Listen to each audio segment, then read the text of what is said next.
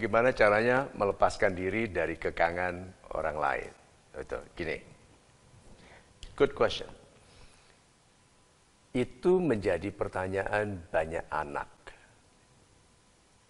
untuk keluar dari bayang-bayang orang tuanya yang kuat atau keluar dari kendali sahabatnya atau temannya yang kuat atau dari pengaruh dari guru guru sejak anak-anak gitu kemudian menjadi sahabat di masa tua dan gurunya karena mengambil keuntungan dari statusnya lalu memanipulasi bekas muridnya. Nah, gini. Orang tidak bisa dikekang kalau tidak ada kebaikan atau kelemahan dalam pribadinya yang mengizinkan orang lain lebih berkuasa. Pertama kali itu karena kita orang baik. Contohnya saja, kalau ada orang bilang, eh ini bajunya bagus bisa untuk aku ya gitu. Untuk bilang tidak itu kan tidak enak. Jadi, itu orang baik. Orang tidak baik bilang enak saja gitu kan. Ini dagangan gitu. Tapi kalau orang baik sungkan. Nah, ada orang yang ahli menggunakan kebaikan kita. Rasa sungkan kita, rasa tidak enak kita sehingga mengambil keuntungan dengan permintaan-permintaan atau perintah-perintah langsung. Nah, kadang-kadang dia tidak memerintah, tapi gayanya yang langsung yang direct ini membuat kita seperti ditekan. Kita kan tipe yang kalau itu tidak dipakai apakah bisa untuk saya? Kalau dia tidak, ini untuk aku ya, langsung. Nah ada orang-orang yang begitu. Jadi kalau kita itu pribadi yang baik, yang lembut, yang halus, yang tidak enakan, yang sungkanan, begitu, bergaul dengan orang-orang seperti itu atau orang tuanya seperti itu, pamannya, tantenya yang seperti itu memang akan merasa terkendali karena terintimidasi. Nah, sekali kita izinkan ini, kita dikendalikan melalui rasa sungkan kita. Jadi yang sebetulnya memberikan izin dikendalikan itu kita. Itu akan mengulang karena orangnya memiliki keyakinan untuk meminta dengan lebih tegas, kita semakin tidak enak karena tadinya boleh. Gitu. Nanti kalau kita menolak, dia bilang kan kemarin oke, okay, nggak apa-apa. Kenapa sekarang nggak boleh? Gitu. Lalu dia menggunakan cara-cara manipulatif yang lain, misalnya ah, lupa teman ya, gitu kan? Yuk nggak ingat ya waktu dulu saya bantu. Yuk masa nggak ingat dulu? Nah cara-cara ini. Semakin lama itu semakin buruk yang menjadikannya menyiksa adalah perasaan seperti tidak berdaya. Seperti tidak ada pilihan lain untuk bilang tidak. Kita sekarang kita mengerti dulu, ini deritanya banyak orang. Dalam pernikahan juga begitu.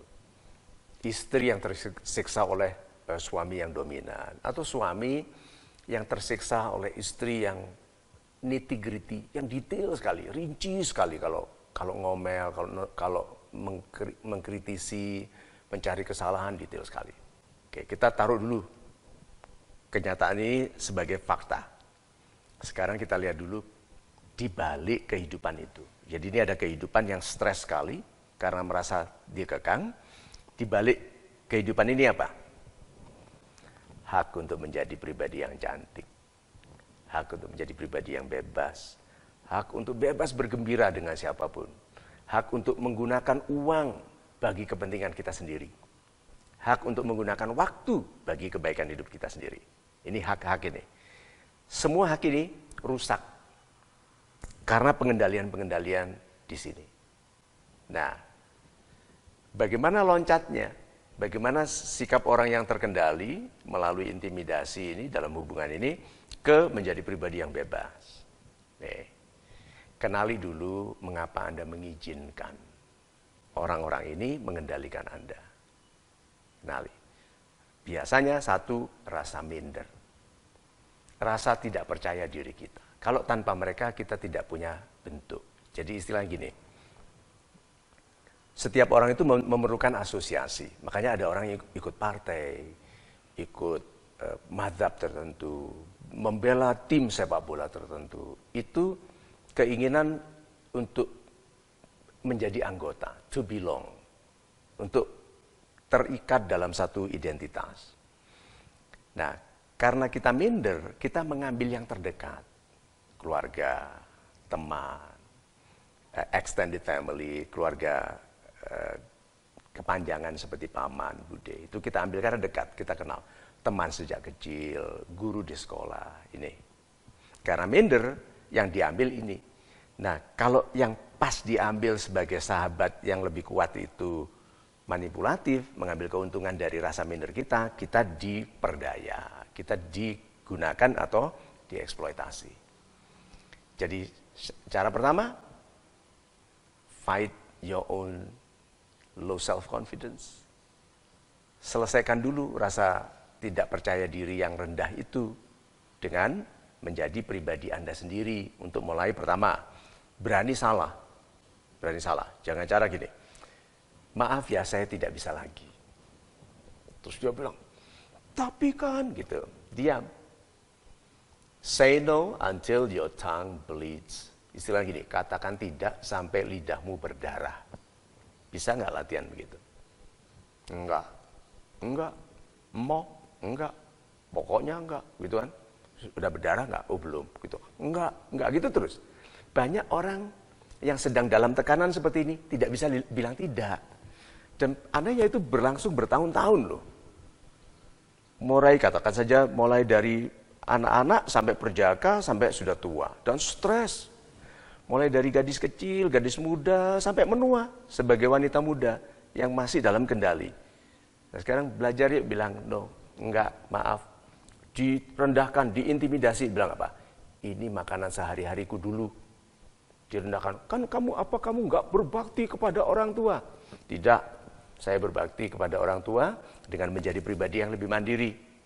Tidak dengan menjadi anak yang bekerja untuk kerugiannya sendiri hanya karena keuntungan sementara orang tuanya dalam hati ini yang tidak amanah. Tidak, aku berhak. Kenapa? Orang tuaku lebih berbahagia melihatku bebas dan sukses daripada sebagai anak penurut yang nggak jadi apa-apa. Gitu. Adik, ya sorry. Aku dilahirkan lebih mudah tapi aku mau lebih sukses. Teman, lupa. Ya. Gitu. Lupa kamu? Enggak, saya lupakan. Saya ingat kamu baik dulu kepadaku, tapi kebaikanmu tidak cukup untuk menjadikanku lebih buruk sekarang. Maaf. Terus nanti kalau saya nggak punya teman, bagus. Nggak punya teman nggak baik kok. Pertanyaan ini, kalau saya nggak diaku anak, nah itu jangan sampai. Kalau saya kehilangan orang tua, jangan sampai. Jaga silaturahim, penghormatan yang baik kepada orang tua, tapi pastikan kita mandiri. Itu sulit sekali terutama kalau orang tua yang mengendalikan kita dengan cara yang tidak amanah. Maka syukuri kalau ada orang tua yang mengizinkan anaknya hidup dalam masa depan yang bebas dan siasati dengan anggun, dengan elegan, penuh kasih kalau orang tuanya karena kurang pengertian bersifat tidak amanah dalam mengambil keuntungan dari kebaikan hati anaknya. Itu.